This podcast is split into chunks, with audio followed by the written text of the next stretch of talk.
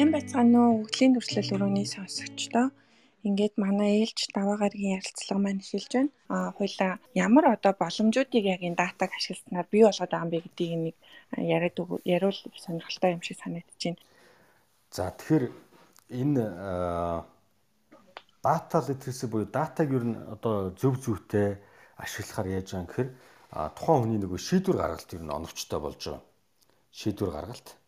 За тэгэхээр нөгөө талдаа болохоор нэг шийдвэр гаргахын тулд эхлээд нөгөө ойлгом те тэгэхээр хүн ерөөсөө ингээд нэг юм дата тоо баримт ингээ харахаар нөхцөл байдлыг нэгдүгээр айгу зөв ойлгож байгаа. Аа тэгээд зөв ойлгосон учраас яаж байгаа вэ гэхээр аа миний энэ одоо хийсэн энэ өөрчлөлт бол болоод байгаа юм байна шүү дээ. Тэгэхээр энэ байдлаар бол үргэлжлүүлж болохгүй юм байна ч гэдэг юм уу. Ингээд тэр ойлголтоос хүн суралцж байгаа. За тэгээд суралцчихгуудаа нөгөө датагаа одоо жишээ нь хамтрагтай хамтрагчтай ч юм уу одоо багийнхаа хамт олонд үзүүлэнгүүд нөгөө хүмүүс нь ойлгож байгаа. Тэгэхээр яаж юм нөхөр өөрийгөө нөгөө хүмүүс өөр хүмүүст ингээ ойлгуулах боломж нь бүрдэж байгаа. Дата бол өөрөө 5 бол 5 10 бол 10 гэдэг ингээд хаанаас нь чарсан яг нэг л өнцгөр харагдаж шүү дээ тий. Тэгэхээр эн чинь нэг юм хувь хүний үзэл бодол шиг за энэ ерөөсөө намайг нэг ойлгохгүй юм байна. Энэ яагаад намайг ойлгохгүй юм болоо гэж ингэж одоо эргэлзэхийн эндээ чи намайг ерөөсөө сонсохгүй байх гэж одоо бухимдах юм шаардлагагүй болно гэсэн үг байгаа юм л да. За тэгээд эцэст нь бол зөв шийдвэр гаргаж байгаа. Тэгэхээр энэ бол дата гэдэг юм нэгэн талын зөв шийдвэр гаргахын төлөө зөв шийдвэрийг ингээд одоо бий болгодог учраас хувь хүн дээр ч албан байгууллага дээр ч яг адилхан. Яг л одоо саяын нөхцөл байдлыг нэгдүгээр зөв ойлгоно. Хоёрдугаарт зөв ойлгоод болж байгаа болох үгээс хамаарат суралцж байгаа. За гуравдугаарт нь тэр датагаа дундаа тавиад ярихаараа хүмүүс хоорондоо ойлголцож байгаа. Одоо яг нэг хэлээр ингээд ярьж байгаа юм шиг. Аа тэгээд зөв шийдвэр гаргаж байгаа. За өнөөдөр магадгүй одоо хэдүүлээ бодъё л доо ингээд би нэг ингээд одоо үгүй энэ одоо нэг маркетингийн нэг юм ажил кампанид ажил хийсэн чинь нөгөө кампанид ажлыг болохоор за би бол одоо нэг жишээ сайн ажил болчлоо гэж бодож итэл те а магадгүй миний удирдлага орж ирэнгүүтээ үгүй компанид ажиллаж айгүй сайн ажил болсонгүй. Би ер нь харлаа нэг наач нэг хүмүүст дээ а гээ тэгнэ. За тэгэх юм бол тэн дээр хэдүүлээ датагаар харуулж байна за бидний компанид ажлыг бол нийт хэд хэдэн хүн үзлээ. За тэгээ магадгүй тооны хувьд цөөнчгсөн энэ хүмүүсийг ингээд аваад үзэх юм бол яг ингээд 70% нь бол яг манай ингээд сегментинг кастомер байгаамаа тэгэхээр бидний одоо бүтээгдэхүүн ингээд угаасаа паблик юм бүтээгдэхүүн биш учраас юм одоо нийт одоо юу гэдгийг ингээд хавтгаарсан массын одоо юм хандлт бол авах шаардлагагүй. Гэхдээ энэ ингээд тоон цөөхөн харагдж байгаа дотроо эдгээр чи яг ингээд манай бүтээгдэхүүний сонирхдаг одоо хэрэглэгчд учраас бид нар бол энэ компанид ажлыг бол амжилттай боллоо гэж дүгнэ. Яагаад гэвэл бид нар тетэн төгрөгөөр тедэн одоо кастомертай бол ингээд хүрчглээ гэсэн байдлаар. Тэгэхээр тэр тэгээд тэр тоогоо хараад ярихаар нөгөө хүн бол аа аа нэрээ тийм байна. Бас нэрээ тийм шүү. Бас чамлахаар чанга атга нэрээ тийм биш үү гэдэг ингээд тоо харахаар нөгөө хүн ингээд аягуулсан ойлгодог. Тэгэхээр энэ бол одоо удирдлагатайгаа жирхад багийнхантайгаа жирхад за одоо хувь хүний хувьд бол магадгүй гэр бүл болсон хүн бол гэр бүлтэйгээ жирхад те ингээд бүх төвшөнд бол энэ тоо дата нь бол тэр хүний одоо яриа одоо ихтгэл үнэмшил нотлохог бол ингээд дэмжиж өгч байгаа гэсэн санаа байгаамаа. Нөгөө менежментийн загалмаас эцэг нөгөө Петр Дракер гэдэг хүн байдаг те тэр хүний хэлсэн нэг үг байдаг ш нөгөө if you cannot if you can't measure it you cannot manage it гэдэг тийм чи ерөөсөө ямар нэг юмыг хэмжиж чадахгүй бол чи тэрийг ингээд зөв өдөрдөж зохион байгуулж чадахгүй гэсэн юм одоо одоо болтол хүчнтэй ийм одоо квотыг хэлсэн. Тэгээд энэ энэний цаатах нь бол одоо тэр measure буюу тэ хэмжих. Тэгэхээр одоо менежментийн ямар ч процесс байсан ямар нэгэн зүйлийг чи хэрвээ сайжруулъя гэж бодвол эхлээд одоо байгаа ямар байгааг нь хэмжиж А тэгээд тэр хэмжсэн дээрээ тодорхой арга хэмжээ авлаа, ажлууд хийлээ. А тэгээд тэр тоон сайжирчвэл одоо сайжирч байна гэж дүгнэе гэсэн ийм л одоо квот байгаа. Тэгэхээр энэ бол одоо аль 60 70 жилийн өмнө бараг хэлэгдсэн квот байгаа. Тэгээ одоо бол ингээл хүчнтэй. Одоо бол бүр яг энэ өшөө бараг энэ энэ квот бол өшөө бий хүчнтэй болж байгаа гэж бодож байгаа. Яг л бүхэл одоо асуудлуудын эргэн тойронд бол датанууд нь бараг бэлэн болж байгаа учраас Тэгэхээр датаг бид нөгөө шийдвэр гаргалтын гол хэрэгслээ гэж хараад байгаа шүү дээ. Тэнгүүт чинь а шийдвэр гаргахад мэдээж маш олон асуудал асуулт гарч ирнэ яах вэ ийх үү гэд тэнгүүд тэрийг ингээ бодтойгоор дата нь хилээд өчөж байгаа учраас илүү шийдвэр гаргахад хялбар болж байгаа. А дээрээс нь таны ярьж байгаа тэр нөгөө нэг ойлголцох гэдэг санаа санааг санаа бол маш тийм тодруулах тийм санаа юм шиг санагдаж байна л та. Тэнгүүд аливаа юм хүн болгон өөр өнцгөр харна. Бас хэрвээ яг тодорхой дата байхгүй бол бас өөр өөрийн өнцгөр хэмжин өөр өөрийн өнцгөр дүгнэн а тэгэнгүүт тэр дунд дата гарч ирээд датаг ашиглах юм бол нөгөө нэг хэлээр ярина гэдэг чинь яг нөгөө дата литереси гэдэг юм чинь өөрөө бий болоод тэгээд хүмүүс ямар нэгэн маргаан ч юм уу эсвэл үл ойлголцол ч юм уу тиймэрхүү юм байхгүй болчингууд хамгийн гол нь илүү датанд анхаарах а нөгөө тухайн хувь хүний нөгөө санал бодолд анхаарах биш датанд анхаарах гэдэг рүү илүү чиглэлчээр илүү үр бүтээлтэй тухайн одоо үнэлгээ ч юм уу тухайн одоо шийдвэр гаргалт нь илүү бодтой үр бүтээлтэй болж байгаа гэдэг санаа айгу гой санагдчихэв. Тэнгүүд энгийн хүнд магадгүй дата шийдвэр гаргалтанд хэрэглэгддэг гэдгийг бол баг ингээд айгүйх сонссон байдаг бахал та. Тэнгүүд яг та нар ингээд дундаа дататай болчих юм бол илүү ойлгоцсноо гэдэг санааг ингэж тайлбарлаж өгөх юм бол илүү хүртээмжтэй юм шиг санагдлаа. Энэ айгу гоё ойлголттой. За тэгвэл ер нь одоо За зүгээр энгийн хүн за тэгвэл би дата ашигладаг болёо. Одоо дата мэрэгчлэн биш те одоо өөр нэг салбарын мэрэгжлийн хүн байлаа гэж бодоход би тэгвэл дата ашигладаг болъё, датаг илүү ойлгодог болъё. Тэр датаг чи уншиж сурыг гэх юм бол маш энгийн төвшөнд юунаас эхлэх хэрэгтэй вэ? Аха. За их гоё асуулт одоо асуулаад тийм түрүүний бас тунгалгийн хэлдэг нөгөө нэг хэлээр ярих гэдэг те нэг хэлээр ярилцах гэдэг те. Тэгэхээр яхахгүй одоо ингээд дата бол бидний яг нэг хэлээр ярилцах ийм боломж бол олгож байгаа. За мэдээж бүх шийдвэр гаргалтын дээр бол бас заримдаа бас датагүйгээр шийдэх тийм үү бас тиймэрхүү бас нөхцөл байдлууд бол байхыг бол мэдээж үгүйсэхгүй тий одоо зарим одоо сэтгэл судлаач байдаг юм уу хүмүүсийн магадгүй бүр одоо эмоцийн сэтгэл хөдлөлийн харилцааны ч юм уу тий Тиймэрхүү энэ тохиолдол бол одоо тоо дата байхгүй учраас бол тэр үед бол бас тоо датагүйгээр бол шийдвэр гаргах шаардлага гарах бах. Гэхдээ ихэнх тохиолдол бол тоо датаг бол яах боломжтой. За тэгэхээр хүн яаж датаг одоо юу гэдгийг ашиглаж ингээд сурах хэрэгтэй юм бэ гэж тэ. Тэгэхээр за хүмүүс ерөнхийдөө ингээд нэг юм судалгаа дата гэхээр а энийг ийм нэг нэг юм нөгөө нарийн мэрэгжил гэж бодоод тодорхой хэмжээнд ингээд нэг зайгаа барьдгийн юм шиг зүгээр надад санагддгийн. Одоо ингээд судалгаа, дата, одоо статистик гэж үг шүү дээ. Статистик гэдэг үг чинь бас өөрөө их тийм ойлгомжгүй хатуу. Дээр нь бид нар одоо жишээ нь ингээд их сургууль мургуулд нэг хальт статистик үзэхээр барыг нурууг нь аваа ичдэг те хүмүүсийн. Тэгэхээр яг үнэ.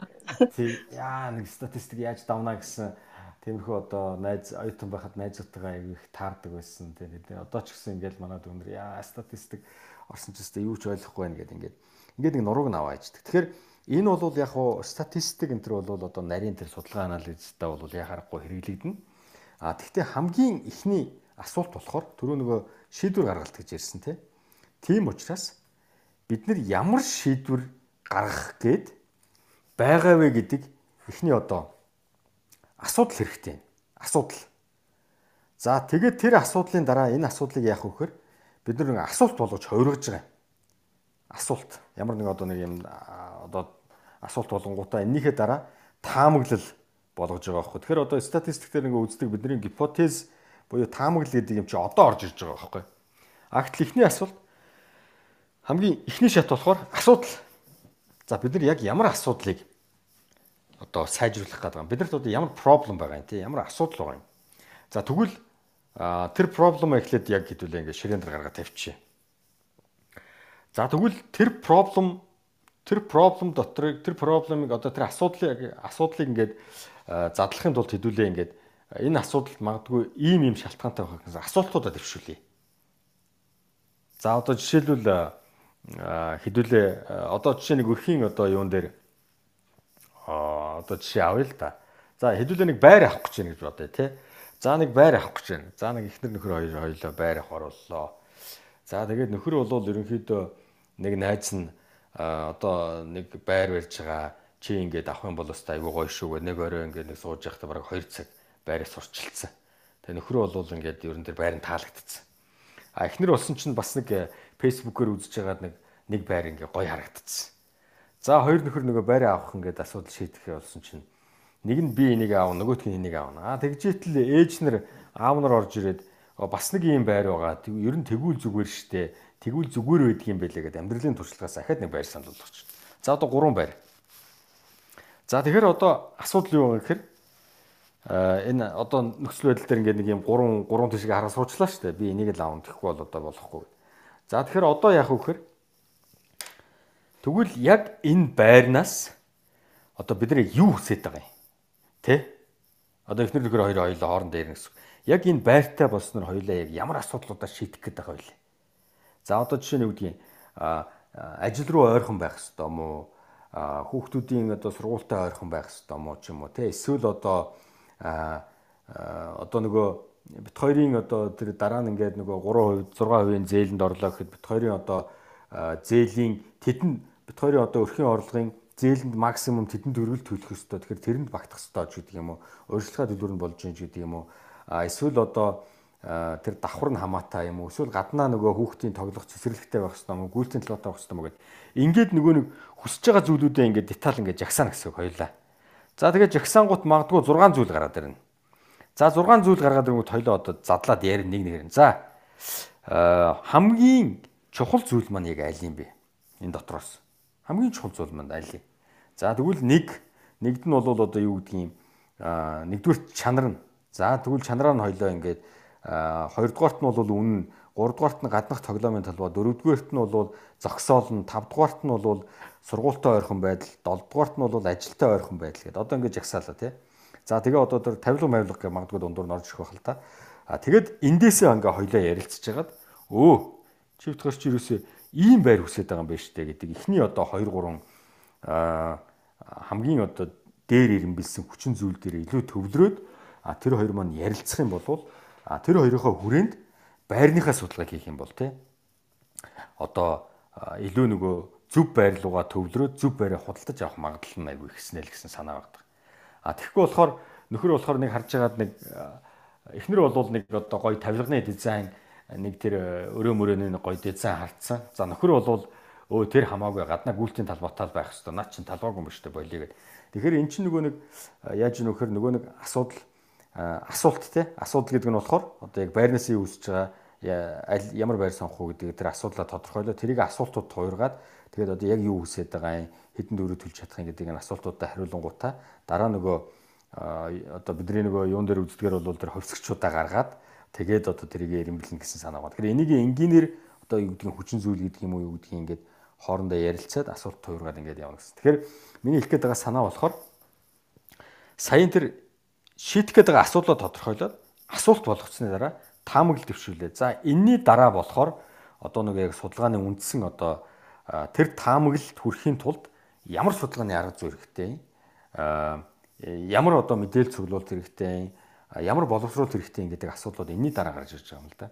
А тэгэхээр хүмүүс болохоор яг ингээд одоо ингээд яг асуудлуудаа ингээд тулгаад тулгаад очих. Одоо сайн ингээд байрны судалгаа хийдүүлээ яри бодол да.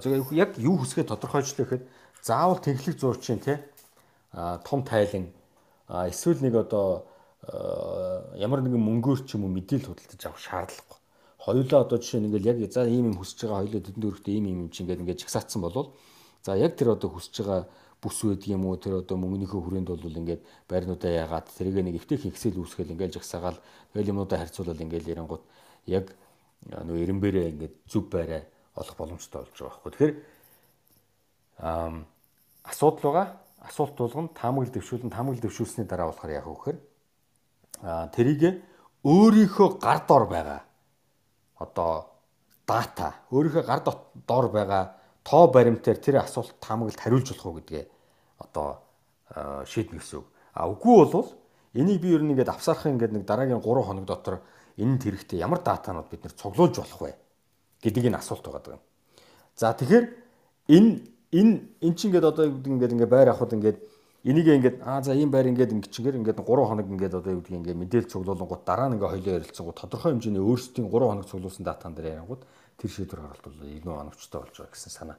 Тэгэхээр илүү би нөгөө мэдлэг одоо хандлага дадлал гэдгээс нь болохоор статистик судалгаа гэдэг зүйлээс битгий ингээд байгаараа. Ерөөсөө л өмнөө байгаа сайжруулах гэдэг тэр асуудлаа барьж яваад тэр асуудал дээр шийдвэр гаргаад тэр одоо оновчтой шийдвэр гаргасан асуудлаа шийдэх гэдэг шүү дээ. Тэгэхээр тэр асуудлаа барьж яваад тэр асуудлуудаа ингээд задлаад асуулт тулгаад асуултад таамаглал болгоод за энэний дараа болохоор надад ер нь энэнд хариулчихаар ямар дата байгаа юм би яаж болох юм эсвэл энэ датаг мэддэг найзаасаа би асуух хэрэгтэй юм уу яах хэрэгтэй эсвэл ингээд Google дээр хайх хэрэгтэй юм уу гэдэг дараагийн одоо датагаа цуглуулахын шат руу ингээ орох хэрэгтэй гэсэн санаа байгаа. За тэгэхээр илүүтэй мэрэгжлийн ур чадвар гэхээс илүүтэй зүгээр саяын энэ нэг юм энгийн логикийн дагуу энийг чухал шийдвэр гаргалт болгон дээрэл энэ логикээр асуудал хандаад эхлэх юм бол аяндаа одоо шийдвэр гаргалтууд бол тодорхой хэмжээр тодорхой хэмжээний магадлалаар бол оновчлогдоод сайжраад явах юм а гэсэн санаа хэлэх гэсэн юм а. За нэлийн нуршчлаа. Аха. Тэгэхээр одоо датаны салбарын бус хүн датаг ашиглах энгийн амьдралдаа ингээд ашиглах бол маш их боломж байна. Бараг алхам тутамд ашиглах боломжтой байгаа тийм. Аа гэхдээ энийг бол нөгөө нэг мэрэгжил ч юм уу чадвар гэхээсээ илүү хандлага юм уу дадал маягаар ингээд суулгачих юм бол ингээл алхам тутамд чинь хэрэг болохоор юм байна гэсэн санаа явж байна. Аа тэнгууд чинь тэр одоо нэг хандлага дадал болох болголооч гэсэн нэг тодорхой хэмжээний цаана нэг юм саний таны хэлсэн шиг юм дараалал ч юм уу эсвэл нэг тийм нэг юм байгаад байгаа шүү дээ. Одоо эрүүл хооллохын тулд ингэнэ эрүүл хооллох дадал юм байна гэдэг нэг юм байдаг шиг одоо дата ашиглах дадал бол ийм байна гэдэг шиг нэг тийм юмыг томьёолоод ч юм уу ингээд энгийн хэлбэрээр ингээд нэг юм томьёолсон юм бас ингээ хэрэгтэй болоод байгаа байхгүй юу? Тэнгүүд чинь одоо жишээ нь яг таны энгийн жишээ ярьсан шиг одоо ийм ингээд асуудал ийм асуулт тулгарлаа ийм шийдвэр гаргах шаардлага тулгарлаа тэгэнгүүт чинь та жишээ нь эхлээл одоо ингээд асуултаа тодорхой болгоод таамаглалаа гаргаад тэнгүүтээ ингээд тухайн зүйлд хамаарах тэр датануудаа цуглуулаа. Тэрэн дээрээ ингээ үнслээ шийдвэр гаргах хэрэгтэй маа гэдгийг. Айгүй энгийнээр гэхдээ ингээд яг тэр датаг ашиглаж байгаа гэдэг тэр агуулгыг нь оролцуулаад нэг юм одоо юугүй тэр дадлыг л нэг тийм тайлбарлсан нэг юм байх хэрэгтэй болчиход байгаа байхгүй юу? Энд дээр таны санал юу байна? Одоо чинь яг ингэж хэлэхгүй болохоор чи хүмүүс зүгээр датаг ашиглаа та датаг ингээ ашигла гэд харч ингээд яг яхаа мэдхгүй нөгөө түрүүнийх шиг статистик тоог ингүүт чи ингээд цухтаагаад байгаад байгаа шүү дээ. Тий. Тэнгүүч энийг айгүй энгийнээр энэ дадлыг яаж жишээ нь ингээд бичдэг ч юм уу эсвэл яах вэ? Энийг яаж ингэж хүнд энгийнээр хүрэх үү? Аа За чи тоглоосоор аюу тийм э, сонирхолтой асуулт асууж яана л да. Тэгээ би яг бол бас ингэж хайрцгэлж бол бас сайн мэдэхгүй байна л да. Зүгээр ингээ яг ингэж хэлчихье гэж надад юмд оршихгүй байна.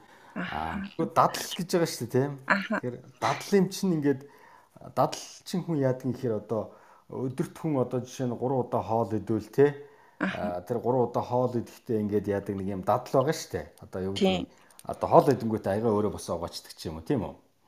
Аа тэгэхээр эн чинь ингээд яаж нөхөр өдөрт 3 үйлдэл хийхдээ гурван нь хийж байгаа шүү дээ. Тэгэхээр судалгааг ашиглах дадал гэхээр магадгүй ингээд би ингээд хүмүүст бараг л ингээд хэлчмээр санагдаад байдаг байхгүй. Одоо одоо бол бид нар ихэнхдээ ингээд дандаа сургаар буюу хүний ингээд ам дамжсан яриагаар асуудал дандаа ингээд хандаад ингээд явдаг. Тэр нь ингээд бидний энэ Facebook мөнгөний хэрэглээ бүх юм дээр ингээд илт харагдаж байгаа нэг судалгаатай биш сургаар яваад байгаа юм тий. Аа тэнгүүд нэг мэдээлэл ингээд цаад эксруулжийг нь бид нар ингээд жоохон хараад ингээд одоо хайчиж а одоо юу гэдгийг тэрнээс л болж ингээд нэг залхуураад байгаа байхгүй юу? Одоо энгийн дээр те гэсэн энэ аа ингээд ингээд нэг хин нэгэ. Тэгэхээр нэгэнт хийж байгаа үйл дотор олон ингээд байх хэрэгтэй учраас би хүмүүст юу гэж хэлэх вөхөр ерөөсөл би энэ шийдвэр энэ шийдвэрийг би тодорхой хэмжээний судалгаа өөрөө цаг гаргаж хийгээд хийж гэнэ үү гэдэг нэг юм асуултыг л би өөрөөсөө айгу асуудаг байгаасаа л гэж хэлмээр юм уу? Одоо магадгүй. За нэг өдөрт жишээ нэг за нэг сард нэг 30 шийдвэр гаргадаг байлаа гэхэд би ер нь 30 шийдвэрийнхээ хэдийг нь судалгаатай хийгээд байгаа юм тий. 30 уулынгийн судалгаагүй сургаар хийгээд байгаа мó 30-ийнхаа 3-ыг нь буюу 10%ийг нь судалгаатай хийгээд байгаа мó эсвэл 30-ийнхаа 30 буюу одоо 30%ийг нь ч юм уу тий 10-ыг нь биш 30-аас чи 10 гэхээр 33% тий 33%ийг нь судалгаатай хийгээд байна. Энэ дадлыг л энэ асуултыг л би айгүй хүмүүсийг их өөрөөсөө асуугаасаа гэж боддөг юм. Тэгээд а зүгээр мэдлэг гэдэг бол а судалгаа хэрэгтэйг ойлгох чинь тий. За судалгаа хүнд шийдвэр гаргалтанд хэрэгтэй хүн болгоно yes yes гэдэг баг. А тэгтээ за тэгвэл тань тийм дадал байгаа мó гэхээр байхгүй. Тэ? Яг л одоо сая өмнө бол сая яг Facebook дээр уншсан нэг поп мэдээлэл одоо ингээд урд ирээ сууж байгаа байхгүй тий. Тэгэхээр тэр дадал гэдэг үгэн дээр л би аягуулсан акцент өгөөсөө л гэж хэлмээр санагдаж байна надад тий. А тэгээд дараагийн асуулт. За би тэгвэл энэ асуултыг би юусэн шийдвэргүй энэ асуултанд шийдвэргүй хандаад байгаа юм. За тэгвэл би судалгаагүй хандаад байгаа юм. За тэгвэл би яаж судалгаа хийх вэ? За одоо тэгвэл судалгаа их арга замуудаа шууд ингээл ингээр хамгийн оновчтой шийдвэр гаргаж болох ингээл юмнуудаа чагсаагаад эхэлнэ гэсэн санаа. За тэгэхээр би тэгж л хэлмээр санагдаж байна да думлага. Аа. Тэгэхээр ямар ч лээсэн танд хэрвээ ямар нэгэн асуудал асуулт байх юм бол тодорхой хэмжээгээр аль болох бодтой ямар нэгэн хэмжүүрэл ашиглах судалгаа юм уу эсвэл өгөгдөл ашиглах хэрэгтэй гэдэг санаа. Өөрөөр хэлэх юм бол түрүүний нөгөө нэг а сургаар биш судалгаагаар гэдэг чинь баг ингээд ураа болгочмаар юм шүү. Харин тийм. Тэгэхээр чи ингээд агай гоё сургаар биш судалгаагаар гэхээр чинь ямар нэгэн худал юм уу эсвэл баримтгүй юм ашиглахгүй ямар нэгэн бодтой тооч юм уу эсвэл судалгаа ашиглана л гэдэг цаана санаа тий Тэнгүүд чинь за тэгвэл штэ одоо ингээд хүмүүс иргэд за байгууллагууд ингээд судалгаа ашигла бүгдээрээ ингээд судалгаагаа ямар нэгэн судалгаа өгдөл суурилсан ингээд шийдвэр гаргадаг болчлоо гэж бодъё л доо. Тэгвэл энэ нь яг улс орны хөгжилт ч юм уу эсвэл өрсөлдөх чадварт яаж нөлөөлөх юм бэ? За энэ би бол энд одоо маш их нөлөөлнө гэж боддог. За бид нар өнөөдөр жишээ нь ингээд төр засгаач юм уу шийдвэр гаргагч нараа л ингээд судалгаагүй шийдвэр гаргаад байна. Байгууллагыг удирдах байгаа хүмүүс их судалгаагүй шийдвэр гаргаж байна гэж зэмлдэг шүү дээ тий. Гэтэл тэр хүмүүс өөрсдөө бас хүмүүс байхгүй. Тэгэхээр тэр хүмүүс өөрсдөө тэр байгууллагт ажиллаж байгаа хүмүүс бүгдээрээ тодорхой хэмжээний тийм хүн болгон одоо магадгүй ихэнх нь те одоо ингээд судалгааг ингээд зөв хийх юм дадалтай болчих судалгаатай ингээд юмд ханддаг юм дадалтай болчих юм бол бидний нөгөө хамтын ойлголцол бүтээмж тэгээд шийдвэр гаргаж байгаа оновчлол нь ингээд сайжраад эхлэхээр энгийнээр бол одоо машиныг юм шаварт хий иргэдэг штэ тий энэ хий ирэхэл болно гэсэн санаа л байгаа юм л да.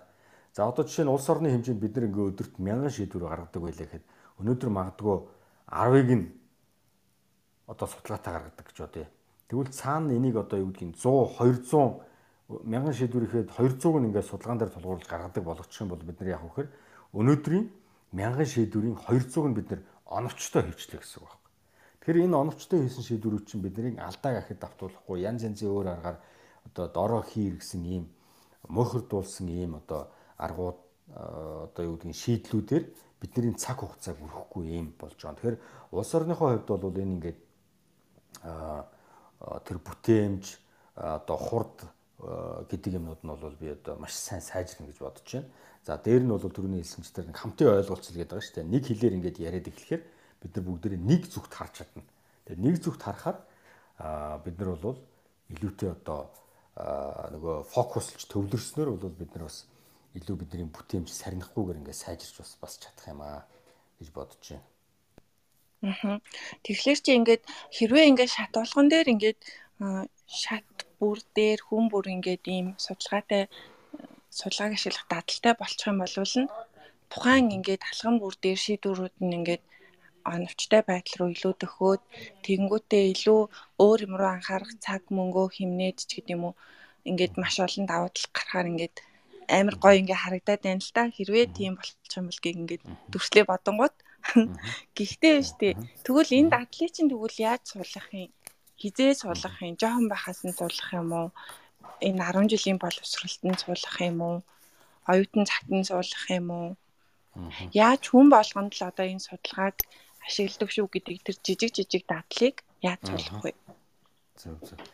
За а одоо төрөний бас яг дадал гэсэн учраас бид нар энийг одоо хүн өөрөө яаж дадал үүсдэг вэ гэхээр бүр хүүхэд байхасаа тий аав ээжигээ харж магадгүй одоо сургууль сургуульд ингээд заалгаж яаж ингээд үүсдэг. Тэгэнгүүт одоо жишээ нь ингээд бид манай боловсролын системд бол яхахгүй одоо энэ судалгаа датаг ашиглах чиглэлээр сайжруулах бол одоо их зүйл бий байгаа гэж боддог. Одоо нэг critical thinking гэдэг нэг хичээл жишээ нь ингээд барууны орнууд аягүй их одоо үздэг юм байна л да. Аа тэгээд тэр critical thinking буюу одоо шүүмжил сэтгэлгээний суурь нь бол өөрөө яг судалгаа байгаа байхгүй юу? Ямар нэгэн ингэж яах юм бол тэрийг ингэж асуулт асууж тэгээ тэрийг ингэж тоо баримтаар баталгаажуулж асуудал тандаач л гэсэн юм санаа байгаа байхгүй. Тэгэхээр одоо жишээ нь ингэж өндөр хөгжсөн орнууд бол аль хүүхэд байхаас нь одоо critical thinking буюу шүүмжил сэтгэлгээ шүүмжит бодол гэдэг одоо нэр томьёоны дор бол ерөнхийдөө юмд ингээд судалгаатай хандах тийм дадлыг бол ингээд заа сургааж сургаад байна гэж би бол ойлгож байгаа. За манай улсын хувьд бол одоо жишээ нь data literacy гэдэг чиглэлээр бол одоо яг дэлхийг хамарсан ийм индексийн судалгаанууд бол төдийлөн хийгдэг байгаа.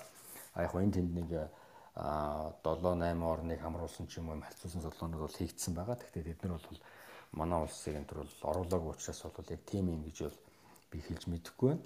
А тэгвэл манай улс одоо жишээлбэл яаж байгаа вөхөр дотоодын нийт бүтээгдэхүүнийхээ 0.1%-ийг одоо э, шинжлэх ухааны судалгааныхаа салбарт зарцуулж байгаа. А гэтэл өндөр хөгжилтэй орнууд болохоор дунджаар 2% зарцуулж байгаа байхгүй. Судалгаа. Одоо манахаас бол ухаан одоо баг 200 дахин их мөнгөө гэсэн үг шүү дээ. Гэхдээ эн чинь хэмжээнийхээ хувьд биш өөрсд байгаа дотоодын нийт бүтээгдэхүүнээсээ одоо хувийн тасалж ингэж яаж байгаараа 2% нөгөөх нь 0.1%.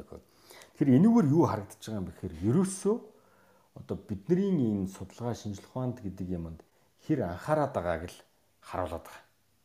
Тэр төсөв дотор бид нар илүү судалгаандаа зориулсан мөнгө суулгахгүй маш багаар ингээд хандаад байгаа. Хандаад байгаа маань л бидний судалгаанд хандж байгаа хандлага дадлыг харуулдаг байгаа Тэр нэг шийдвэр гаргалтаасан шүү дээ малганаас гаргаж. Аа жилд бол дунджаар 616 шинжлэх ухааны артикл олуулсан сэтгүүл хэвлүүлж байгаа. А тэгэхэд бол одоо Хятад Америк энэ төр бол 600 хэдэн мянга буюу манахаас 1000 дахин их судалгааны ажлууд хэвлүүлж байгаа. Тэгээ тэр их одоо илүү их мөнгө дотоодын бүтээгдэхүүнээс тэр судалгааны салбартаа ингээд зарцуулж байгаа учраас мэдээж тэр одоо артикл хөгжүүлэлт тэр судалгаа дата ных нь бол одоо хөгжлүүд нь бол илүү сайн төлхөө ингээд явж чадчихээн гэж бол ойлгож байгаа. Тэгэхээр цаашдаа бол бид нар бол энэ боловсролын систем за тэгээд энэ одоо ажлын байр одоо гэр бүлийн боловсрол одоо юу гэдгийг хүүхдэд тийм дадал суулгах одоо нөлөөлж болох бүхэл үе шатанд нь бол бид нар энэ судалгаа дататай ажиллах энэ дадлыг бол шингээсэн юм контент сургалтын хөтөлбөрүүдийг оруулах хэрэгтэй гэж бодож байна. Аа саяны таны ярьсныг сонссон чинь албан ёсны байдлаар ч гэсэн бид нэр ерөөсөө судалгааг айгүй бага ашигладаг юм байна. Манай улс чинь өөрөө тийм судалгааг дэмждэг улс бол хараахан биш юм байна. Бүр албан ёсны шийдвэрүүдээ гаргахтаа ч гэсэн судалгааг айгүй бага ашигладаг гэдгийг ингээл харагдал яадаг. Тэнгүүт чинь нөгөө нэг бид нар энэ энэ том одоо тэр том төвшөнд нь судалгааг ашигладаг болохын тулд эргээд нөгөө нэг хүн болгон одоо энийг ашиглах дадалтай болох болгоно гэдэг дадал хандлага гэдэг санааг нь л одоо илүү түлхэж өгөх нь илүү чухал юм шиг бас харагдаж байна. Аа тэгэхээр Sika компанийн хувьд болохоор бас энэ судалгаатай үндэстэн гэдэг энэ нэр томьёог одоо ингэж дэлгэрүүлэх тэгээд энэ ойлголтыг одоо олон хүнд хүргэх талаар анхаарч байгаа шүү дээ тий. Тэгэхээр бас түрүүний бит хоёрын ярьсан эдгээр олон шалтгаанууд тэгээд тэр датаг ашиглахын нөгөө нэг давуу талууд энэ бүгдийг хараад та бүхэн энэхүү ойлголтыг одоо а илүү дэлгэрүүлэх тал дээр анхаарч байгаа баха гэж бодож байна. Энэ талаас нь жоохон Сикагийн одоо энэ судалгаатай үндэстэн гэдэг ойлголтыг харж байгаа нь. Тийм. Тэгэхээр одоо яг судалгаатай үндэстэн гэхээр одоо юу гэдгийг нэг жилийн дараа ч юм уу, 2 жилийн дараа ч юм уу болчихно гэж бас бид бодохгүй байна л да. Аа тэгээ мэдээж энэ чинь улс орнороо ингээд бүр тодорхой хэмжээнд ингээ анхаарч хийж ингээ хийдэг ажил учраас аа тэгэхээр бид хэд бол яг нэг хувийн хөгжлийн одоо нэг төлөөлөл одоо байгуулах шүү дээ. Тэгэхээр яг энэ судалгаатай үндэстэн ийм одоо болох ингээд өөрчлөгдөж хувьсах энэ одоо өөрчлөлтөнд нь бол бид нарыг тодорхой хэмжээний бас нэг хэсэг нь бай гэж ингэж бодож байгаа. За тэгээд энэ судалгаатай үндэстэн гэдэг одоо энэ нэрдмийг гаргаад ингээ бусдтай ингээд айлуулах юм уриалсан байдалтай одоо энэ awareness үүсгэх ойлголт үүсгэх ийм ажлуудыг л бид нар одоо дараагийн одоо 2-оос 3 жилд бол нэлээд хий гэж төлөвлөж байна. Тэгээд одоо өнгөрсөн жил бол бид нэг подкаст хийсэн энэ жил бол бас одоо ахад нэг подкаст ингээд энэ 6 сарын дундаас ингээ хийх гэж байна. За тэгээд намар бол бас судалгаатай үндэстэн гэдэг ерөнхийдөө бас конференц хий гэж бодож байгаа Аа за нөгөө талдаа бол ингээд энэ ч нөгөө ингээд нэг юм ойлголт төхөөс гадна нөгөө талдаа аль болох ингээд ер нь нэг юм судалгаа гэдэг имийг л одоо мөрөөдөл бол энэ судалгаа гэдэг имийг л айгүй одоо их тийм гоё үн цэнтэй хүмүүс ингээд нэг юм гоё хүнлж харилцдаг одоо юу гэдгийг судалгаатай байдаг юм уу эсвэл судлаач хүнтэй ч юм уу их гоё юм хүнлж харилцдаг ийм л одоо зүйл болгочмоор байгаа юм л да судлаач гэдэг нь судлаач буюу одоо data science гэдэг юм уу датаны чиглэлийн юм мэрэгжлүүд нь одоо их үнэлэгдсэн ач холбогдол нь их мэдрэгдсэн судалгаа гэдэг зүйл өөрөө хүн болгон надад нэг судалгаа байна гингүүт өө тийм үү би тэгвэл би нэг харъя л да судалгааг чинь чи над нэг харуулчаач те судалгаагаач гэдэг юм уу те ийм байдлаар ингээд судалгаанд ханддаг болоосоо л гэж бид бодож байгаа. Тэгэхээр энэнийхээ өрөөнд бол бид жишээ нь одоо e-survey гэдэг нэг юм одоо платформ хийсэн. Тэгээ энэ e-survey дээр болохоор жишээ нь яах юм одоо бид хэдийн бодож байгаа юм бол юу гэхээр хүмүүс ингээд өөрсдөө хүс мэдхийг хүсэж байгаа тийм асуултанд хариулт авахын тулд e-survey дээр ороод тэн дээр одоо одоо яг нөгөө веб нь өөрөө ингээд монгол хэл дээр учраас монгол хэл дээр байгаа одоо судалгааны асуумжийн тодорхой жишээ мишэн тэр юмуд байгаа байхгүй. Тэгээ тэрийг одоо ашиглаад өөрсдийн судалгааны одоо форм асуумжаа би үүсгээд линкээ ширлээд одоо ингээд өөрийнхөө хүссэн нэг 10 хүнээс ч юм уу судалгаагаа авчдаг тэр байгаасаа тэгээ тэрийг ингээд дэмжихэд бол бид нар ESRO гэдэг платформ ашиглалтанд оруулсан. Ерөнхийдөө яг бидний нэлээд жоох өргөн хэрэглэдэг нь одоо Google Forms энэ Google Forms шиг л дөө баг тэгтээ нөгөө монгол хэл дээр учраас монгол хүмүүст зориулсан нэг ийм платформ байгаа. За DataMon гэдэг бидэд болохоор ер нь одоо яг мэрэгжлийн одоо ийм судалгаануудыг цуглуулад одоо нэг платформ дээр байршуулад байя гэдэг ийм DataMon гэх платформ хийсэн. Гэхдээ энэ дээр аль болох мэрэгжлийн судалгаануудыг байршуулад тэгээд одоо бидний бодож зорж байгаа зүйл бол энэ дээр ингээд ер нь судлаач гэдэг мэрэгжил өнөөдөр ингээд нэг юм одоо жишээ нь гадаад гоё магистр хамгаалал яг нэг мэрэгчлэр айгүй гоё ингээд нэг судалгааны ажил 2 3 жилээсээ ингээд хийгээд ирдэг. Тэгээ ирээд нөгөөх нь үнэлэх юм байхгүй. Тэр судалгааг нь сонирхч юм байхгүй. А тэр судалгааг нь сонирхож байгаа хүндээ өөрөө хүрч чадахгүй нэг ийм байдал байна гэж ойлгоод байгаа. Тэгэхээр дата мон дээр ингээд магадгүй тэр судлаачд манай өөрсдөө хийсэн судалгаануудаа байршуулад магадгүй зарим нь бүр тэр судалгаагаа бүр ингээд зараад одоо тодорхой хэмжээний нэг судалгааг магадгүй 1 сая төгрөгөөр зараад тий тэр 1 сая төгрөгөөр нөгөө үнэлж аваад тэр судалгааг нь ашиглаад одоо ажил одоо тэр шийдвэр гаргалт юмдаа өшөө ингээд ашиглаад явдаг ийм л одоо систем бий болоосоо гэж хүссэн хүссэн учраас дата мон хийсэн.